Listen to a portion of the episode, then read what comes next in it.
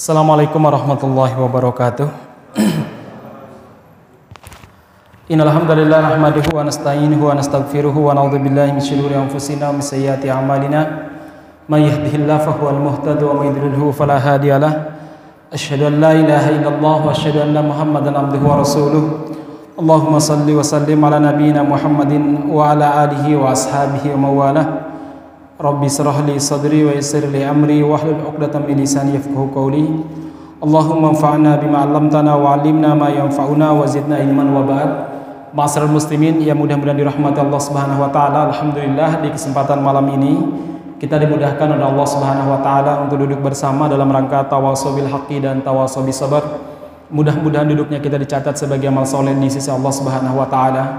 Salawat dan salam mudah-mudahan tercurahkan kepada Nabiullah Muhammad sallallahu alaihi wasallam, kepada keluarga beliau, sahabat beliau dan siapa saja yang istiqomah di atas petunjuk Rasulullah sallallahu alaihi wasallam.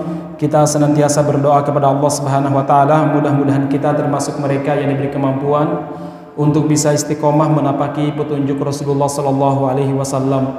Jamaah sekalian, uh, alhamdulillah malam ini kita bisa melanjutkan kajian kita setelah beberapa waktu diliburkan untuk sementara. Alhamdulillah ala kulli hal begitu besar kenikmatan yang Allah Subhanahu wa taala berikan kepada kita, nikmat iman, nikmat sehat, merupakan nikmat yang luar biasa yang Allah Subhanahu wa taala berikan kepada kita, maka wajib kepada kita untuk menjaganya. Wajib atas kita untuk menjaga nikmat iman dan juga menjaga nikmat kesehatan. Nikmat iman kita jaga dengan cara seperti ini, mengkaji syariat Islam, mengkaji Al-Qur'an dan mengkaji As-Sunnah. Karena seorang muslim ketika mengkaji Al-Quran dan mengkaji As-Sunnah imannya akan terus bertambah. Kekhusyukan dan ketawaduannya kepada Allah Subhanahu wa taala seharusnya juga semakin bertambah. Dan rasa takutnya kepada Allah Subhanahu wa taala juga harus bertambah. Masyaallah muslimin uh, walaupun tahun 2020 ini oleh sebagian teman-teman menyebutnya sebagai amul hazan, tahun kesedihan. Karena masyarakat muslimin banyak sekali orang-orang yang kita cintai meninggalkan kita dan banyak sekali peristiwa-peristiwa yang begitu menyayat hati umat Islam. Masyarakat muslimin kita tahu Ustadz Arifin Ilham juga meninggal tahun 2020 ya. Kemudian di Solo mulai dari sehingga saya Dr. Tunjung 2020 juga kah? Ya. Kemudian demikian juga ada Ustadz Ja'far Baraja dengan ketawaduannya dan apa namanya kedermawanannya banyak yang kemudian melahirkan uh, amal soleh amal soleh berkelanjutan. Beberapa waktu lalu kita ditinggalkan oleh ada namanya Ustadz Soimin. Saya sangat kenal dengan beliau. Teman saya itu menantu beliau dan beliau dulu satu letting sama saya ketika kuliah. Cuma beliau kuliahnya non reguler, tidak mondok. Kalau saya mondok ya. Orangnya soleh, insya Allah ikhlas. Kemudian demikian juga kita ditinggal mungkin nggak begitu terkenal dan nggak begitu tenar. Tapi kita tahu sebagai muridnya sudah hampir semenjak saya masuk pondok sampai sekarang, sampai sebelum beliau sebelum beliau wafat, saya adalah murid beliau. Namanya Ustadz Nur Hadi, ya Nur Hadi Jazuli. Beliau pakar faraid, ya. Pakar faraid yang banyak menyelesaikan kasus-kasus masalah warisan. Karena kasus masalah warisan tuh bukan sekedar bagaimana hitungan pembagian pengurangan perkalian dan lain sebagainya atas kertas tidak. Ternyata rumit sekali. Saya pernah dua kali diminta untuk menyelesaikan kasus mawaris, dua-duanya gagal. Ya. Kenapa? Karena ternyata bukan sekedar bagaimana jatahnya si fulan berapa, jatahnya si fulan berapa. Kalau si fulan ada yang termahcub, yang terhijab tidak boleh mendapatkan siapa, bukan sekedar itu. Tapi ada namanya istri pertama, istri kedua, yang tidak dibagi semenjak harta kakeknya misalkan. Masya Allah, ruwetnya luar biasa. Nah, akhirnya saya kemudian menunjuk mereka untuk konsultasi ke Ustadz Nur Hadi Jazuli dan Alhamdulillah bisa diselesaikan dengan baik. Nah, masalah muslimin dan yang terakhir kita ditinggalkan oleh guru kita, guru yang tercinta Ustadz Mu'inuddin Basri dalam usia yang relatif muda, baru 54 tahun. Betul ya? Beliau baru usia 54 tahun, Masya Allah. Padahal kami baru saja mengganti brand An-Najah TV saya itu dengan foto beliau. Harapannya 2020 atau akhir pandemi ini kita banyak sekali fokus pada video-video kajian beliau karena saya lihat di Facebook itu beliau sering siaran langsung tidak terekam dengan baik akhirnya saya bilang sama teman-teman, udahlah beliau uh, biar menjadi artis kita saja. Ya tapi karena kondisi seperti ini nggak mungkin mendatangi ataupun mengundang beliau ke studio, studio juga baru jadi ya, belum dipakai ya. Nah jamaah sekalian, ternyata Allah Subhanahu Wa Taala menghendaki yang lain. Nah saya teman-teman berpikir gimana Ustaz, fotonya diganti apa tidak? Jangan dulu ya. Karena bagaimanapun beliau adalah orang yang sangat berjasa terutama bagi gerakan dakwah di Solo Raya. Setahu saya ini setahu saya karena saya nggak lahir di Solo tapi saya besar di Solo ya bahwa gerakan-gerakan di Solo Raya ini dulunya sangat susah disinergikan. Tapi dengan kemunculan beliau dengan Dewan Syariah Kota Surakartanya itu betul-betul mampu bersinergi dengan baik. Bahkan saya masih ingat parade tauhid itu ide beliau dan saya masih ingat saya ditunjuk sebagai korlap lapangannya pada saat itu awal-awal saya masih masih sangat muda ya tahun berapa itu. Nah jemaah sekalian subhanallah ternyata itu menginspirasi hampir seluruh Indonesia mengadakan parade tauhid yang sah, parade tauhid yang sama masyarakat muslimin. Saya melihat bagaimana NU tentu NU yang non struktural ya kalau struktural agak susah nih ya kemudian teman-teman Muhammadiyah, dulu teman-teman MTA, semuanya ikut terlibat mengangkat bendera Panji Tauhid pada parade Tauhid tersebut, ma'asal muslimin. Kemudian banyak sekali yang dulu tersekat-sekat karena perbedaan pemahaman, karena mungkin perbedaan kepentingan, dengan keikhlasan dan ketulusan beliau serta keteladanan beliau, akhirnya mampu duduk bersama berkomunikasi dalam berbagai macam forum. Masalah muslimin yang mudah dirahmati subhanahu wa ta'ala, saya itu belum pernah melihat ada di Solo Raya ya, semacam tokoh teman-teman yang tahlilan dan anti tahlilan itu bisa duduk bersama meneriakan takbir bersama-sama siap membela Islam kecuali ketika beliau uh, saat bersama dengan kita saudara sekalian.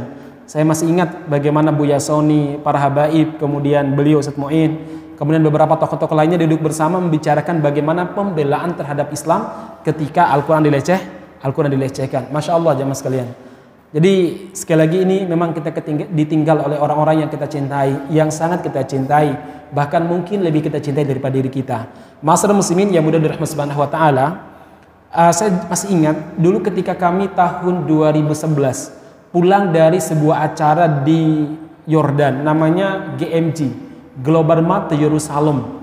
Saat itu kami berangkat bersama dengan beberapa NGO internasional untuk memberikan bantuan kepada Al-Quds dan demo. Jadi demonya panjang banget beriringan dari Yordan sampai masuk ke Al-Aqsa. Itu ribuan bahkan puluhan ribu yang hadir. Nah ma'asal muslimin termasuk kasus Mafi Marwa Mafi Marmara di antara dokter yang kita kirim juga tertem, apa namanya ter, tercegat di kapal bantuan tersebut kalau Anda masih ingat kasus Mafi Marmara itu di Israel nah jemaah sekalian kami dulu ketika sampai di sana, ini saat itu kita nggak ikut ya, ada teman-teman yang kita utus. Begitu kawan-kawan kita sampai di sana, kita bergabung dengan Mercy dan beberapa kita dari HASI, Halil Ahmad Society. Saat itu kita melihat ada hal yang menarik. Di Yordan itu banyak sekali kemah-kemah, tenda-tenda pengungsi yang berasal dari Suriah. Tahun 2011, belum ramai sebagaimana sekarang. Kita tuh heran, di Suriah ada apa? Kok ada tenda-tenda pengungsi di Yordan. Kita bingung, ini ada apa? Sementara di saat yang bersamaan kita sedang mengirim bantuan ke mana? Ke Palestina. Nah begitu sampai di Palestina, teman-teman kita di Al-Aqsa, teman-teman kita di Gaza mengatakan begini, akhi kami minta izin sebagian dana bantuan dari kalian dari rakyat Indonesia kami berikan kepada saudara-saudara kami yang mengungsi dari Suriah. Kita kaget, emang Suriah ada apa? Saat itu belum ramai sebagaimana sekarang. Kita bertanya, memang Suriah ada apa? Kok sampai Anda minta bantuan kepada kami, eh minta izin kepada kami untuk memberikan sebagian harta orang Indonesia ini yang kami bawa kepada orang-orang Suriah, para pengungsi dari Suriah. Lantas kami bilang, berarti orang-orang Suriah betul-betul membutuhkan apa jawaban orang-orang Gaza, orang-orang Palestina saat itu? Demi Allah, mereka lebih membutuhkan daripada kami. Akhirnya kami bilang saat itu, tolong pertemukan kami dengan orang-orang Suriah. Kita dipertemukan dengan para pengungsi yang juga tinggal di Suriah, eh di Palestina. Anda bayangkan, Palestina sudah kehidupannya sudah sangat apa namanya? sangat miskin, sangat susah cari makan. Ini orang Suriah ngungsi di situ merasa lebih aman. Berarti apa di daerah mereka lebih lebih dahsyat. Akhirnya kemudian kita nanya, ada apa kejadiannya? Lantas mereka cerita bagaimana kekejaman Bashar Assad yang didukung oleh Iran, didukung oleh Cina dan didukung oleh Rusia membantai kaum muslimin ahlu sunnah wal jamaah di Dar'a saat itu belum ramai ke mana-mana baru kota Dar'a dan sekitarnya.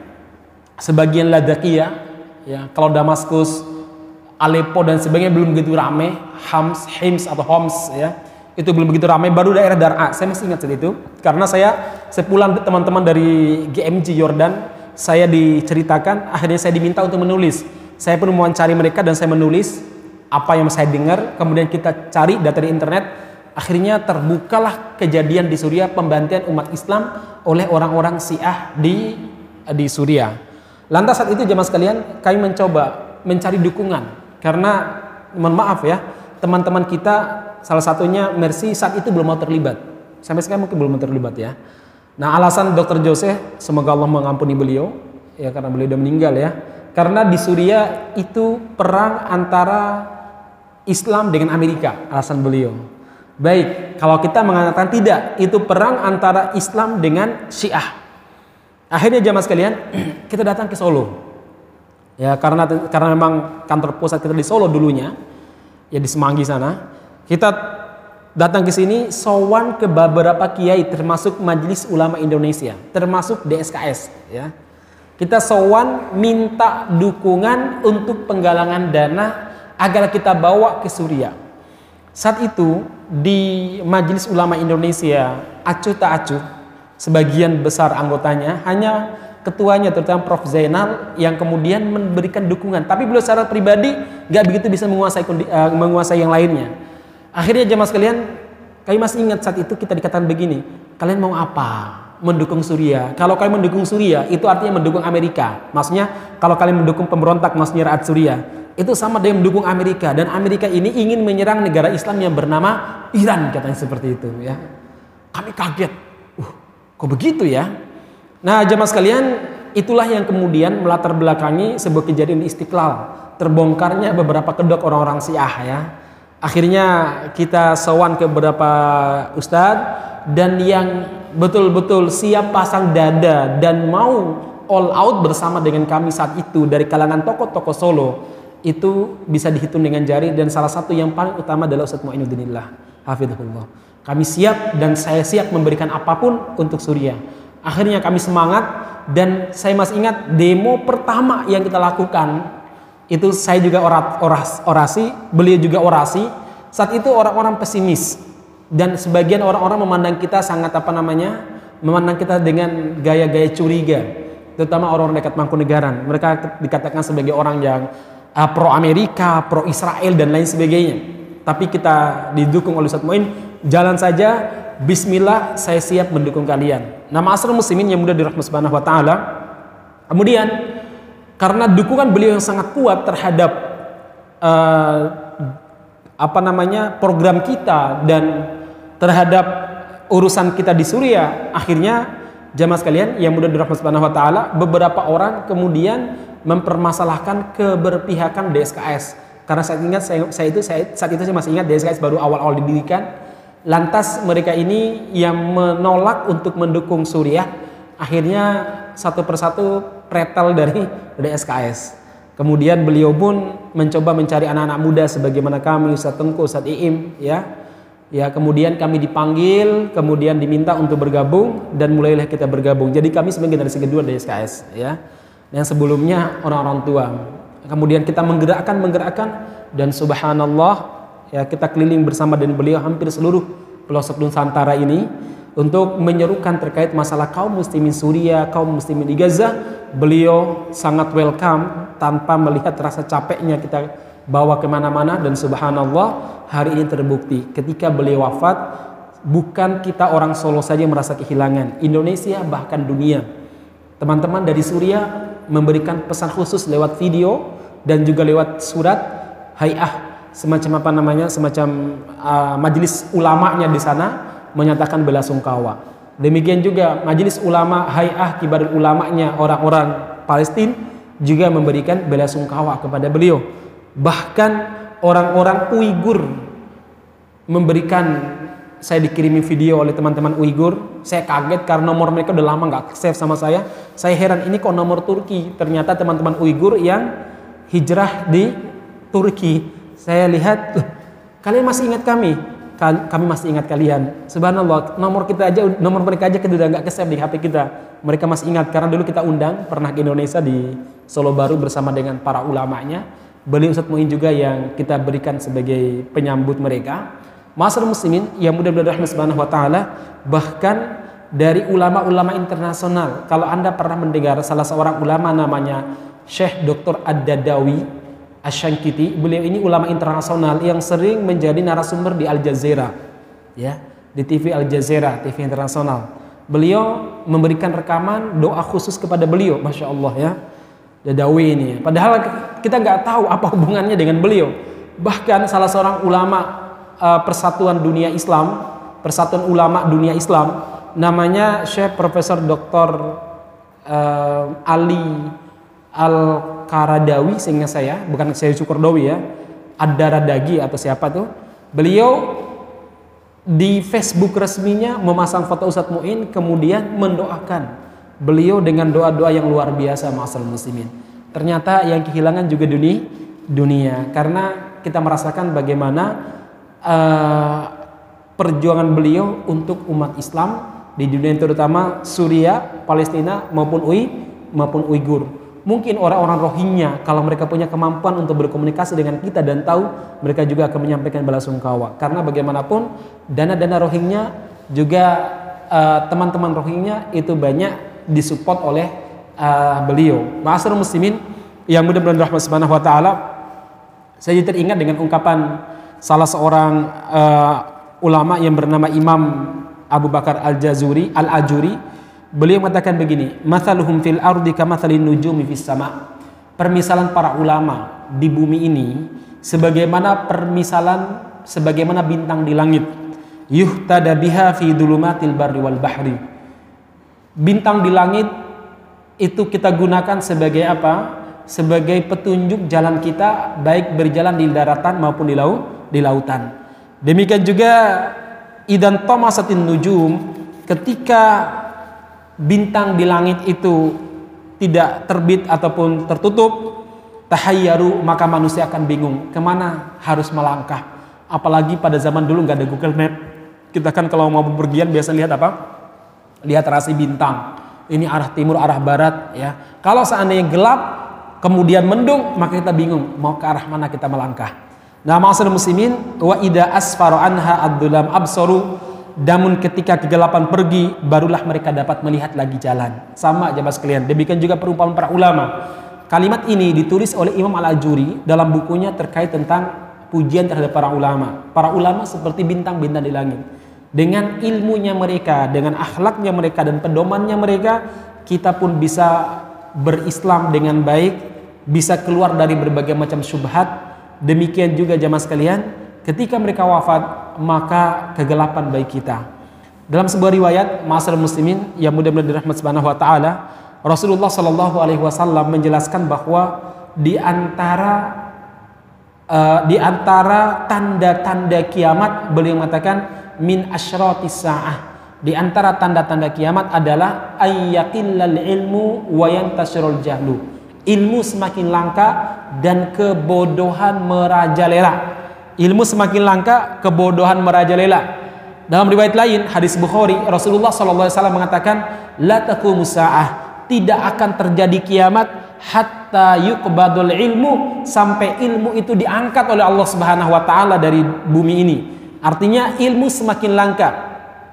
Kemudian wa yakthurul zalazil wa zalazil kemudian terjadi gempa di mana-mana kemudian wayak thuro al haroju wal haroju akhirnya terjadi banyak al haroj para sahabat bertanya ya Rasulullah wa mal haroj apakah al haroj Rasulullah mengatakan al qatsu al qatsu banyak terjadi pembunuhan pembantaian pembunuhan dan pembantaian. Mungkin yang terjadi di Jakarta 6 laskar FPI jelas bukan laskar FPI sebenarnya. Mereka umat Islam laskarnya umat Islam. Karena bajunya saja seragamnya FPI tapi mereka bagian daripada umat Islam. Jelas-jelas dibantai. Ya, mungkin ini bagian daripada tanda-tanda kiamat kemudian dalam riwayat lain Rasulullah Shallallahu Alaihi Wasallam menjelaskan diangkatnya ilmu itu bagaimana Rasulullah mengatakan innallaha la yaqbidul ilma intizaan yantazihu min qulubil ibad Allah Subhanahu wa taala tidak akan mengangkat ilmu seketika langsung diangkat seperti asap atau uap yang naik ke atas langit tidak. Tetapi apa? Biqabdil ulama Allah Subhanahu wa taala akan mengangkat ilmu ini dengan cara mewafatkan para ulama. Hatta idza lam yabqa alimun sehingga kalau ada komunitas masyarakat ada sebuah komunitas masyarakat tidak tersisa lagi para ulamanya alim ittakhadan nasu juhala manusia akan mengambil orang-orang bodoh sebagai pemimpin faaf fasuilu ketika orang-orang bodoh ini diangkat sebagai pemimpin ketika ditanya faaf tahu bigori ilmin? dia akan berfatwa tanpa dasar ilmu fadollu mereka akan sesat wa adollu dan menyesatkan banyak manusia. Masyarakat muslimin ini ya tentang pentingnya alim. Sampai-sampai Imam Ash-Syafi'i rahimahullah beliau pernah mengatakan kalian kalau ingin mencari tempat tinggal, jangan tinggal di sebuah daerah yang tidak ada dua jenis manusia. Jangan tinggal di sebuah daerah yang tidak ada dua jenis manusia. Satu, tidak ada ulamanya. Yang kedua, tidak ada dokternya. Ulama sebagai dokter jiwa, dokter pikiran kita yang akan menunjuki kita jalan yang benar, yang mengeluarkan kita dari berbagai macam syubhat dan kesesatan, dan berbagai macam pemikiran-pemikiran buruk sementara dokter akan menyembuhkan kita dari penyakit bah, badan. Ini kata Imam Syafi'i. Anda jangan tinggal di sebuah daerah yang tidak ada alimnya dan juga tidak ada dok, tidak dokternya. Kalau tinggal carilah daerah yang di situ ada dokternya, banyak dokternya, banyak juga ula, banyak juga ulamanya atau ada dokternya, ada ulamanya. Ketika kalian kebingungan dalam masalah agama, kalian lari ke ulama, Ketika kalian kebingungan dalam masalah sakit fisik, kalian lari kepada dokter. Masyarakat muslimin, subhanallah. Terus terang kita merasakan begitu nikmatnya tinggal di daerah sebagaimana Solo ini. Subhanallah, banyak dokternya, apalagi dokter-dokter soleh banyak sekali. Ya, kemudian alhamdulillah banyak juga ulama-ulama yang menjadi rujukan kita walaupun satu persatu mereka dipanggil oleh Allah Subhanahu wa taala dan kita yakin pasti Allah Subhanahu wa taala mempunyai rencana yang terbaik, rencana terbaik. Masalah muslimin yang mudah-mudahan Allah Subhanahu wa taala. Ini uh, poin pertama ya. Yang berikutnya, masalah muslimin, satu poin yang ingin saya sampaikan sebelum kita masuk materi karena kalau nggak disampaikan menurut saya kita termasuk orang-orang yang tidak peduli dengan urusan umat Islam.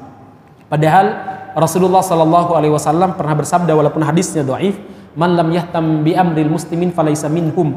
Barang siapa yang tidak peduli dengan urusan kaum muslimin, maka dia bukan bagian daripada umat Islam. Jamaah sekalian, kejadian yang sampai sekarang sangat ramai sekali. Bagaimana pembantaian? Kalau saya baca beritanya, saya analisa beritanya, itu betul-betul pembantaian jamaah sekalian. Pembantaian terhadap enam saudara kita dari kalangan umat Islam, Laskar FPI. Jelas-jelas saya kemarin mendengar langsung bagaimana klarifikasi dari Habib Rizik. Dia bilang bahwa beliau memang sengaja mau keluar di tengah malam biar nggak terjadi mah macet. Maklum Jakarta walaupun musim pandemi tetap macet ya Kemudian tiba-tiba mereka itu dibuntuti bukan satu dua tiga mobil, banyak sekali mobilnya, dikuntit begitu jamaah sekalian. Dan mereka berupaya mengejar mobil yang ditumpangi oleh Habib Rizik. Entah apa yang mereka mau. Awalnya tidak ada zone mereka bahwa itu polisi nggak ada. Tahunya mereka itu ada orang berbuat jahat, ada orang berbuat jahat.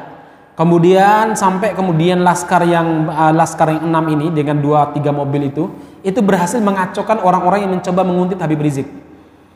Sampai kemudian Habib Rizik sekeluarga, dua mobil yang ditumpang oleh dua keluarga yang di situ ada anak-anak yang usia lima tahun, yang usia dua tahun, eh, tiga tahun, ada juga yang usia masih meminum ASI, air susu ibunya. Anak-anak pada teriak, menangis. Karena pada itu lari zigzag, kejar-kejaran. Jadi kalau kita pernah melihat film-film kejar-kejaran mungkin di jalan itu, ya begitu dikejar-kejaran cerita Habib Rizik. Sampai kemudian Laskar berhasil menyelamatkan Habib Rizik dan keluarganya dan mereka ini digiring ke sebuah tempat yang sebenarnya bukan jalan yang dituju tapi digiring ke sebuah tempat di situlah terjadi pembantaian yang sungguh sangat mengerikan. Kata Habib Rizik kalau bukan karena mereka kalau bukan karena mereka dan tentu karena rahmat Allah Subhanahu wa taala mungkin nyawa beliau sudah hi, sudah hilang. Masalah muslimin yang mudah dirahmati Subhanahu wa taala. Dan kata beliau hari itu malam itu sampai paginya tidak ada dalam benak FPI demikian juga seluruh anggota Laskar FPI bahwa melakukan pembantian tersebut adalah siapa? adalah polisi. Mereka mencari tahu siapa melakukannya dan ke mana kawan mereka yang berapa, yang 10 itu. Dicari jemaah sekalian. Hampir semua rumah sakit mereka cari. Semua tempat rest area mereka cari. Semua disisir. Nggak ketemu. Sampai kemudian Allah subhanahu wa ta'ala membukakan mulut mereka yang melakukan pembantian tersebut. Jadi Allah membukakan sendiri mulut mereka. Cerita. Awal ceritanya mereka memiliki senpi. Awalnya ya. Mereka senpi. Kemudian ketika Munarman klarifikasi bahwa dia bersumpah demi Allah Laskar FPI nggak pernah diajarin bagaimana menggunakan senpi apalagi memiliki sen senpi senjata api nggak nggak mungkin kemudian berubah lagi apa itu mereka merebut apa senjata polisi dibantah lagi bagaimana mungkin bisa mereka merebut uang mereka itu adalah apa naik mo naik mobil ya kemudian berubah lagi yang mereka pakai apa senjata rakitan berubah tiap saat. Itu menunjukkan apa? Menunjukkan bahwa mereka betul-betul kebingungan, betul-betul bag, uh, panik bagaimana menyelamatkan kejahatan yang telah mereka lakukan ini. Masalah muslimin yang mudah dirahmati subhanahu wa taala, saya kira kita sesekali memang perlu berani mengatakan jahat sebagai penjahat, orang dolim sebagai orang do, sebagai orang dolim. Imam Ahmad rahimahullah meriwayatkan sebuah hadis. Beliau mengatakan uh, dari Rasulullah SAW bahwa Allah Subhanahu wa uh, bahwa Rasulullah SAW bersabda apa kata Nabi? Sesungguhnya Allah Subhanahu wa taala tidak akan mengangkat la yanzi la yanzi'u barakatal ardi Allah tidak akan mengangkat berkah dari sebuah negeri artinya Allah tetap memberikan keberkahan kepada negeri tersebut sampai orang-orang di sekitar itu tidak lagi mengatakan orang dolim sebagai orang berbuat orang yang berbuat dolim sebagai orang dolim orang yang berbuat jahat sebagai penjahat. Artinya mereka mingkem, dia membisu, tidak kemudian mengatakan penjahat sebagai penjahat, orang dolim sebagai orang dolim. Mereka diam. Maka ketika saat itu mereka mendiamkan kedoliman, Allah Subhanahu Wa Taala akan mengangkat barokah dari negeri tersebut, masyarakat muslimin. Maka perlu kita sampaikan punya keberanian. Subhanallah, masyarakat muslimin yang mudah dirahmati Subhanahu Wa Taala, saya jadi teringat bahwa salah satu sebab kita dikuasai dan diperbudak di akhir zaman adalah apa? Karena kita ini hubud dunia, cinta dunia, wa karahiyatul maut, takut untuk berkorban di jalan Allah Subhanahu wa taala.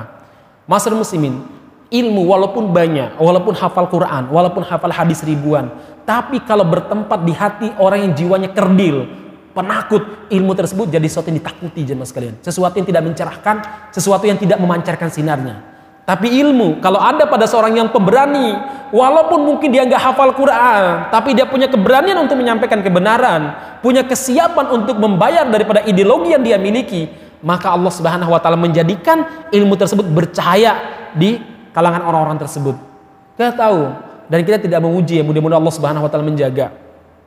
Ya Mas Kadin, Ustadz Felix, Walaupun beliau itu baru masuk Islam, tapi keberanian menyampaikan kebenaran, Islam itu menjadi indah ketika beliau menjelaskan Islam. Ya. Kita harus apresiasi dan pinter mengapresiasi, jangan sampai kita nggak mengapresiasi mereka. Pinter menjelaskan Islam dengan baik, dengan logis sekali.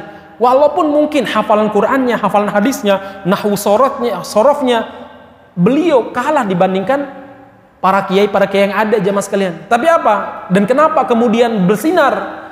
Karena keberanian dalam menyampaikan kebenaran itu penting ya mas kalian. Keberanian itu penting sekali. Taruhlah misalkan Munarman. Orangnya Munir, orang kiri dulunya. Ya kan, tahu sendiri kan anak kiri. Sukanya debat, sukanya berantem aja. Ya. Dia kan anak, anak buahnya Munir dulu. Si Munarman itu. Semoga Allah menjaganya ya.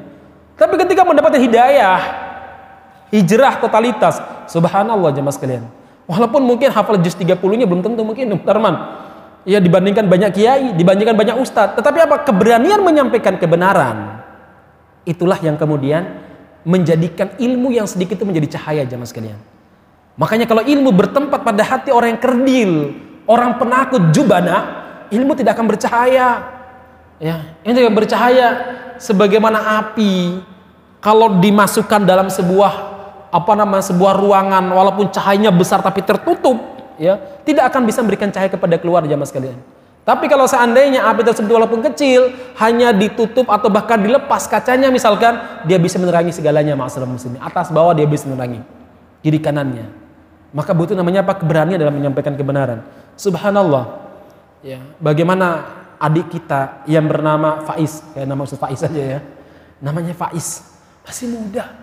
21 tahun coba. Saya lihat fotonya itu nggak pernah ada catatan sejarah kriminal kata Refli Harun ya Profesor Refli Harun. Nah sekarang aja untuk menghukum mati koruptor yang bernama siapa? Batubara itu sebenarnya? Juliari Juliari. Jualiri Batubara jelas-jelas korupsi ngeri banget. Ya. yang dikorupsi dana bansos lagi. Di saat rakyat meregang nyawa malah di dikorupsi udah begitu yang dikorupsi itu adalah bantuan pinjaman Itu saja masih diperdebatkan boleh tidaknya hukuman mati bagi dia. Jelas-jelas kejahatannya. Sementara enam saudara kita ini nggak ada catatan kejahatan. Lagi pula, lagi pula mereka pergi bukan untuk berbuat jahat, mengawal ulama, mengawal pewaris para nabi. Di mana Rasulullah SAW pernah mengatakan, Innal ulama warathul anbiya. Para ulama itu pewaris para nabi. Mentaati mereka wajib.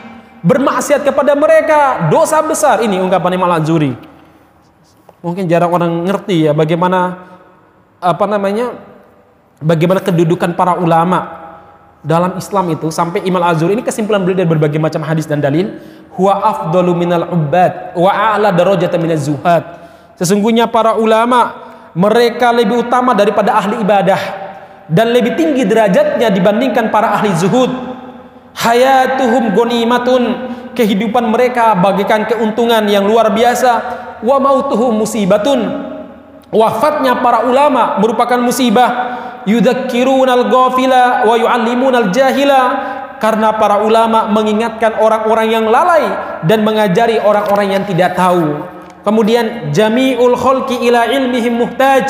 Seluruh makhluk seluruh makhluk walaupun itu semut yang ada di lubangnya apalagi manusia sangat membutuhkan ilmunya para ulama. Burung-burung yang berterbangan di hutan itu membutuhkan ilmunya para ulama. Coba kalau ada ada ulama yang tidak menerangkan haknya burung untuk hidup mungkin betapa banyak orang yang kemudian menangkap dan bunuh membunuh burung ma'asar muslimin kemudian kalau seandainya para ulama tidak menjelaskan bagaimana haknya ikan-ikan di laut untuk bisa hidup di tengah ekosistem mereka mungkin berapa banyak orang menggunakan bom ikan untuk menghancurkan karang dan kerumbu yang ada di yang di laut yang kemudian menghilangkan ekosistem ikan. Semua makhluk membutuhkan ilmu mereka. Atau atulahum min jami'il khalqi wajibatun. Taat kepada mereka bagi seluruh makhluk menjadi keharusan. Wal ma'siyatulahum muharramatum. Dan durhaka kepada mereka diharamkan. Man ata'ahum rosada barang siapa yang mentaati para ulama mereka pasti akan lurus mendapatkan petunjuk. Wa man asahum anada dan siapa yang durhaka kepada para ulama berarti dia telah menyimpang. Fabiqaulil ulama ya'malu imamul muslimin pemimpin kaum muslimin bekerja berdasarkan arahan-arahan para ulama wa an ra'ihim yasdur dan berdasarkan pikiran-pikiran mereka para pemimpin bertindak. Fabiqaulil ulama yahkumul qudat dan dengan pendapat para ulama para hakim itu bisa memutuskan perkara dengan baik. Fahum sirajul ibad para ulama merupakan pelita hamba pelita manusia. Wa manarul bilad mereka adalah menara penerang negeri wa qawwamul ummati dan mereka adalah tonggak-tonggak yang kuat bagi umat wa yanabiul hikmati dan mereka adalah sumber segala hikmah hum ghaidus syaitan. Mereka adalah penyebab kemarahannya setan. Karena dengan adanya para ulama setan susah untuk menyesatkan manusia.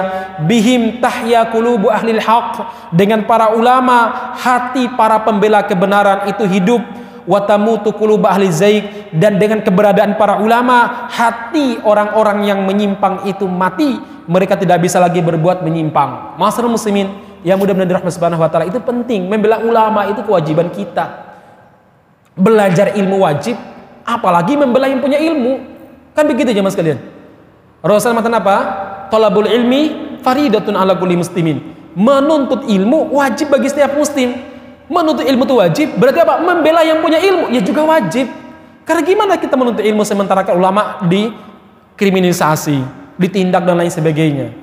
Mohon maaf, materi kita beda hari ini ya. Ini sebagai bentuk ketidakadilan yang kita ungkapkan ma'asyiral muslimin. Makanya saya kemarin sampaikan yang saya buat akhir status di Anaja itu. Apa itu? Kalau ada hayu alal jihad di apa petamburan sampai ada ikomah hayu alal jihad itu seharusnya ulama yang benar bukan melihat dari kacamata fikih ansi kalau dari kacamata fikih selesai itu bid'ah nggak boleh tapi seharusnya ulama itu melihat dari berbagai macam sudut pandang, sosial politiknya dilihat, latar belakangnya dilihat, biar apa? Biar tahu ini kenapa muncul hayal al jihad. Kok aneh, nggak biasa. Kok tiba-tiba ada muncul seperti itu? Baru dia bisa menyelesaikan masalah. Kok malah yang menyebarkan videonya ditangkap? Itu tidak menyelesaikan masalah. Lihat dulu apa masalahnya. Maka saya bilang begini, jihad itu dalam Islam syariat yang diturunkan untuk melawat kedoliman. Artinya kalau ada umat Islam yang menyerukan jihad, artinya apa? Ada kedoliman yang telah melampaui batas terhadap umat Islam, makanya ada hayal jihad. Kalau tidak ada, tidak akan ada hayal jihad ya mas kalian.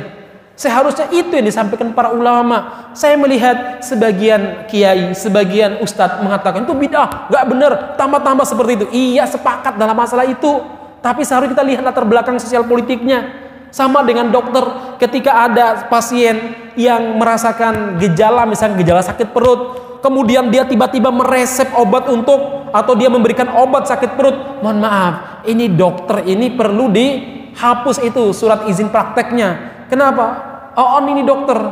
Kenapa? Dia seharusnya diagnosis, makan apa, habis apa, rasanya bagaimana, sakitnya di perut saja atau di kepala juga. Ditanya seharusnya jamaah sekalian. Makanya ulama itu seperti dokter yang menyembuhkan penyakit bagi umat, penyakit hati sama. Kalau ada ulama kok yang dihukum gejalanya, gejala azan tanpa melihat terbelakangnya itu bermasalah masalah muslimin. Ini penting, ini perlu kita sampaikan. Masa muslim itu kadang mikir di Indonesia ini otak kita yang sehat itu disuruh mati ya, nggak boleh berpikir. Coba kebayang nggak jamaah sekalian? Yang ngumpul walimahan di Indonesia itu banyak tapi yang dipanggil dan dipermasalahkan bahkan diancam hukuman tujuh tahun atau enam tahun si Cita wonge satu tok siapa dia? Habib Rizik. Pak rakyat Indonesia itu banyak. Tapi yang diuber-uber suruh tes swab si Tito. Ya, siapa? Habib Rizik. Mohon maaf saya dalam banyak fikih kita berbeda dengan Habib Rizik. Terus terang saya nggak tahlilan saya nggak solawatan tapi dia ulama dia seorang tokoh yang sekarang membangkitkan giro untuk kembali kepada is, kembali kepada Islam. Kita nggak pernah tahlilan. Seumur umur saya itu kayak nggak pernah tahlilan saya ini ya. Dulu di kampung saya pernah diundang tahlilan, saya diam aja. Akhirnya orang-orang bilang, Ustaz nggak tahlilan? Enggak. Oh ya, mohon maaf. Setelah itu akhirnya saya nggak diundang gitu. Alhamdulillah saya bilang. Gitu. Tapi masih dikirimin. Dikirim makanan. Ya kalau dikirim masa dibuang? Ya Bismillah lah makan ya. Kita beda dengan beliau. Mohon maaf, secara akidah beliau asyairoh. Kalau kita salafiyah, jelas. Dan tauhid asma sifat beda jemaah sekalian. Tapi sekali lagi ini masih dalam kategori toleransi dalam Islam. Mereka muslim saudara kita. Kalau mereka mengatakan yadullah adalah kekuasaan Allah, tangan Allah adalah kekuasaan. Kalau kita tangannya tangan Allah gitu loh, jemaah sekalian. Kalau kita mengatakan wajah Allah itu benar-benar ada, kalau mereka mengatakan ah, enggak, itu asyairohnya Habib Rizik. Tapi sekali lagi mereka saudara kita, teman kita. Harus kita bela juga jangan sekalian punya hak untuk kita bela. Tadi ya, yang di Uber-Uber, yang swab cuma si Cito. Satu tok. Habib Rizik. Mas, Bapak-bapak, orang habis tes swab di rumah sakit. Nginep di rumah sakit atau pulang nunggu hasil? Pulang nunggu hasil. Tapi yang dituduh melarikan diri cuma satu tok. Siapa? Habib Rizik. Ini betul otak kita nih mau dibunuh ya hidup bernegara harus berakal sehat kata Rocky Gerung itu memang iya ya. Kalau nggak berakal sehat itu mati otak kita ini. Nggak ada fungsinya bapak-bapak nih sekolahnya sampai S2 S3 ya bapak-bapak mungkin ahli di bidang apa-apa kalau nggak pernah berpikir masalah ini. Orang yang tes web itu banyak yang diuber-uber untuk segera melaporkan hasilnya cuma satu toh orangnya. Siapa? Habib Rizik. Makanya kata Rocky Gerung Ini feno- fenomena apa lagi kalau bukan kedunguan lokal gitu. Ini penting mas muslimin. Maka ketika saya kemarin ditanya dalam sebuah wawancara, Ustaz gimana tanggapan dengan eh, apa namanya deklarasi Papua Barat ketika kemerdekaan? Kalau Pak Mahfud MD mengatakan bahwa itu deklarasinya lewat Twitter tok katanya ya. Kalau kita bilang begini, kita serius nanggapinya. Umat Islam yang nggak deklarasi aja dikuber-uber, dibunuh, dibantai. Kalau tangkap saya begini aja, itu menunjukkan sinyal bahwa ada yang nggak beres di pemerintahan ini.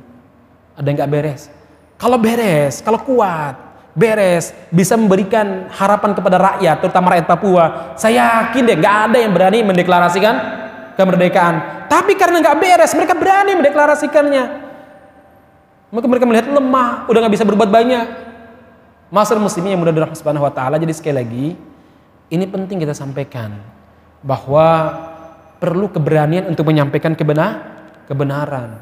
Maka doa kita tuh gimana sih? Doa doa kafaratul majlis. Selain subhanakallahumma rabbana bihamdika asyhadu an la ilaha anta astaghfiruka wa. Ada lagi doanya. Apa itu? Allahumma inni a'udzubikal hammi wal hazan wal ajazi wal kasali wal bukhli wal jubuni. Ya Allah, aku berlindung kepadamu minan hammi wal hazan. Dari galau terhadap masa depan wal hazan terhadap masa lalu sedih terhadap masa lalu. Wal bukhli wal jubun. Eh, eh minal hammi wal hazan. Wal ajazi wal kasal ya Allah aku berlindung kepadamu dari ajaz lemah. Lemah fisik. Wal kasal lemah jiwa. Wa minal bukhli wal jubun. Dari bakhil dan pengecut. Karena pengecut sekali lagi tadi membuat ilmu yang dimiliki oleh seorang ulama tidak bermakna dan tidak menjadi penerang di saat umat membutuhkan. Kenapa? Karena ketakutan tadi ma'asyiral muslimin.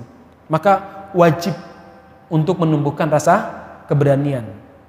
Saya dulu saya pernah menyampaikan di sini, modal memperjuangkan Islam itu dua. Satu karom, dermawan, terutama harta harus dermawan. Gak boleh orang-orang kaya melihat bahwa salah sendiri nggak kerja melihat orang-orang yang butuh misalkan atau pondok membutuhkan, dakwah membutuhkan, salah sendiri nggak punya usaha, enggak begitu. Allah menitipkan harta kepada anda untuk berbagi. Kalau anda melihat sesuatu, itu lihat pada diri anda bukan melihat dari orang tersebut. Contoh begini, ya kepada orang yang ber, kepada orang miskin, eh, orang suka minta-minta. Hadis yang kita sampaikan adalah apa? Sungguh kalian makan dengan tang, hasil tangan kalian lebih baik daripada kalian minta-minta. Minta-minta ini kita sampaikan kepada orang yang suka minta-minta. Tapi kepada orang yang dimintai, bukan hadis itu yang dikasih. Nanti nggak nggak ngasih dia. Ya, hadis apa disampaikan? Amfik umfik alaik. Allah berfirman, berinfaklah, aku akan menggantinya. Jadi jangan kebalik tempatnya gitu loh ya. Kepada orang minta-minta hadis tadi. Ya, sementara kepada orang yang punya kemampuan, jangan sampaikan hadis tadi, dia nggak malah nggak infak-infak tuh hartanya.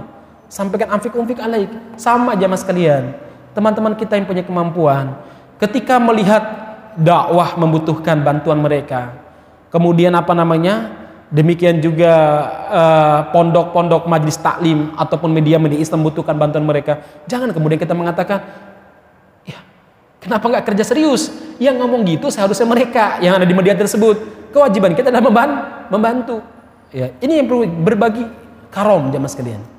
Yang kedua yang dibutuhkan dalam dakwah ini dan dalam perjuangan Islam adalah apa? Asyajaah, keberanian. Maka Asyahid Hasan Al-Banna rahimahullah. Semoga Allah meridhoi beliau Hasan Al-Banna. Beliau pernah mengatakan, "Innal ummatal islamiyata lan ta'uda ila makanatihal aliyah." Ini saya hafal kalimatnya ini ya. Karena menarik sekali untuk dihafal. Karena kata-kata beliau kata-kata seorang ulama, seorang mujahid yang telah membayar keyakinannya tentang Islam dengan nyawanya sampai boleh dibunuh itu ya. ya. Kata beliau apa? Sesungguhnya umat Islam tidak akan menang dan jaya sebagaimana pendahulu mereka. Illa kecuali antaudu kecuali mereka umat Islam kembali kepada falsafatil mauti fi sabilillah. Yaitu apa? falsafat mati di jalan Allah Subhanahu wa taala sebagai asma amanina, sesuatu yang paling dicintai daripada segala-galanya. Saya mendengarkan ceramahnya Habib Rizik Masya Allah ya. Beliau bilang, saya tidak takut kalau mati. Mati itu urusan Allah Subhanahu wa taala. Kata Abdullah bin Rawahah, panglima Islam yang ketiga itu setelah Ja'far meninggal, Zaid meninggal, Zaid bin Harisah, kan panglima yang ketiga dalam perang perang mana? Perang Yarmuk ya. Iya. Uh, perang Yarmuk sehingga saya. Perang Yarmuk itu adalah siapa namanya? Uh, tadi uh, sahabat tadi ya. Beliau bilang begini, ketika saat itu Abdullah bin Rawahah namanya ya, dia ragu-ragu untuk mengambil bendera karena setiap membawa bendera itu mati, meninggal wafat ya. Pertama Ja'far wafat, tangannya dipotong, diambil pakai tangan kirinya, tangan kirinya ditebas, beliau peluk ya. Kemudian beliau ditombak berkali-kali wafat. Digam, di, kemudian benderanya diambil alih oleh Zaid bin Harisah, kekasih Nabi Muhammad sekali seorang yang dicintai sama Nabi Muhammad. Sama kedua tangannya di kedua tangan tertebas. Beliau peluk, ditombak, boleh syahid. Kemudian bendera Islam jatuh. Saat itu Abdullah bin Rawah sebagai orang yang ditunjuk sama Nabi malu-malu untuk mengambilnya. Eh, takut-takut karena nanti juga pasti mati juga. Akhirnya beliau mengatakan, "Ya nafs, wahai nafsu, kalau kamu nggak mati di medan jihad, kamu juga akan mati di atas di atas ranjang," kata beliau. "Wahai nafsu, kenapa kamu Kenapa saya melihat kamu benci terhadap surga? Bukankah itu surga yang kamu cari? Ayo maju. Jadi beliau bersaing untuk menyemangati diri pribadi. Akhirnya beliau terjun, kemudian mengambil bendera Islam tadi, walaupun akhirnya beliau gugur sebagai syuhada dan bendera diserahkan kepada Saifun min Suyufil Maslulah. Pedang Allah Subhanahu wa taala siapa? Khalid bin Walid yang akhirnya berhasil menyelamatkan pasukan. Masyarakat muslimin yang benar Subhanahu wa taala, ini poin yang pertama sebagai closing statement. Kita tidak akan bisa memenangkan Islam ini dan menjadikan Islam jaya terutama di negeri kita sampai kita menjadikan mati syahid di jalan Allah sebagai asma amanina cita-cita kita yang paling puncak jamaah sekalian. Kalau enggak mikirnya lama mau untuk berjuang untuk Islam. Lama sekali mikirnya. Ya lama sekali mikirnya. Kalau Habib Rizik bilang kalau saya meninggal Allah akan memberikan penggantian terbaik untuk umat Islam Anak-anakku nanti akan diurus sama Allah Subhanahu wa taala. Kenapa? Allah Maha bertanggung jawab. Ya. Masa kita lebih percaya kepada laki-laki lain yang bertanggung jawab? Allah lebih bertanggung jawab. Yang kedua, kata Said Qutb rahimahullah, boleh mengatakan inna kalimatina kata-kata kita, keyakinan kita satabqa maitatan a'rojan ila kata-kata kita ini akan mati membeku terkubur dengan jasad kita hatta idza mitna li ajliha kecuali kalau kita mati maksudnya siap membayar harga. Siap membayar harga untuk diperjuangkan. Kita siap apa pun harganya. Walaupun mungkin ada orang nggak seneng misalkan. Walaupun mungkin Facebook kita di banned misalkan ya. Tapi hati-hati juga abot ya. Saya itu 20 nih mau naik mau tadi barusan buat yang ke-21 Facebook saya ya apa namanya Instagram yang dibuat sama Mas Ian sama Mas Reza udah beberapa kali diingatkan ya. Hanya udah hapus beberapa konten ya. Jamaah sekalian sampai kita berani membayar harga daripada perjuangan kita. Dengan apa? Terserah Allah minta Allah minta. Kalau Allah meminta nyawa kita kita berikan. Oh kita telah menjual diri kita untuk Allah Subhanahu wa taala. Ketika Allah meminta waktu kita ya kita berikan waktu kita. Bukankah Allah mengatakan innallaha ashtara minal mu'minina anfusahum wa amwalahum bi annahum bi jannah. Sesungguhnya Allah Subhanahu wa taala membeli dari orang-orang beriman. Nyawa dan harta mereka apa sih bayarannya? Jan jannah. Sampean Pak kalau udah beli misalkan beli kambing Pak ya. Kambing usia lima tahun. Uh besar banget ya. Anda beli kambing. Lalu Anda sembelih atau Anda jual lagi. Ternyata yang pemilik sebelumnya protes karena Anda jual lagi atau Anda hadiahkan pada orang lain, layak nggak dia protes bang? Layak nggak? Salah, sama. Inna Allah ashtara minal mu'minina. Kalau Allah telah membeli dari kita nyawa kita dan harta kita, terserahlah. Allah berbuat apa kepada kita tuh yang penting rodi itu bilahi robba ya. Itu memang pelajaran para wali itu ya. Kita mencoba untuk menyelesaikan masalah muslimin hatta idza misna li ajliha asyad bin ahya kata Syed Kutub sampai kita sampai kita memba, berani membayar harga daripada perjuangan kita maka kata-kata kita ini akan hidup akan dipegang-pegang oleh orang-orang sepeninggalan kita. Walaupun itu orang kafir. Anda anda tahu Ananda Pramudia Tur? Betul ya namanya? Ananda Pramudia Tur? Novelis kiri. Saya beberapa dulu sering baca buku dia. Bagus bukunya. Manusia langit, manusia bumi. Macam-macam lah bukunya itu ya. Itu kata-katanya betul-betul berkhas dan berkarakter. Itu tokoh komunis loh Pak. Matinya pun di atas komunis. Jadi inna solati wa nusuki wa mati lil, lil komunis. Ini betul ya. Ananda Pramudiatur. Betul luar biasa itu. Di penjara sama Soeharto. Di penjara di mana? Di Pulau Buru sana. Tetap istiqomah di atas komunisnya. Walaupun ketika anaknya meninggal, anaknya mau nikah perempuan, calon mantunya dipanggil sama dia. Kamu boleh nikah sama anak saya, tapi kamu harus belajar Islam kepada Buya Hamka. Padahal Buya Hamka tuh teman debatnya, tulis menulis dulu. Sering mencela, mencela Buya Hamka. Tapi Buya Hamka tuh orang sopan sekali. Dijawab. Tapi tadi ya, dan dia mengatakan saya tidak mau putri saya dinikahkan kecuali oleh Buya Hamka. Masya Allah ya. Ini keikhlasan para ulama juga Buya Hamka ini ya. Tapi masa begini, Ananda Pramudiatur itu sampai sekarang kata-kata dia itu masih dipegang di bawah bendera revolusi itu masih dipegang ya mas kalian ya. Kemudian apalah ya buku-buku kiri-kiri atau buku-buku orang-orang komunis itu oleh apa namanya ya kalau bukan komunis mungkin bobo komunis namanya itu masih menjadi jadi apa penyemangat mereka kenapa karena penulisnya itu berani membayar harga dari pikiran dan ideologi yang mereka yakini walaupun di penjara di Pulau Guru ya mas kalian baik kira demikian apa yang sampaikan. Mudah-mudahan berbarokah dan mudah-mudahan bermanfaat. Barakallahu majma'in kita akhiri sampai di sini. Insyaallah pada pertemuan berikutnya kita masih uh, lanjutkan uh, apa namanya uh, kaifa amalahum an nabi. Bagaimana prinsip interaksi Nabi Muhammad sallallahu alaihi wasallam bersama dengan putra putri beliau. Demikian subhanakallahumma rabbana bihamdika asyhadu an la ilaha illa anta astaghfiruka wa atubu ilaik Walhamdulillahirabbil alamin. Assalamualaikum warahmatullahi wabarakatuh.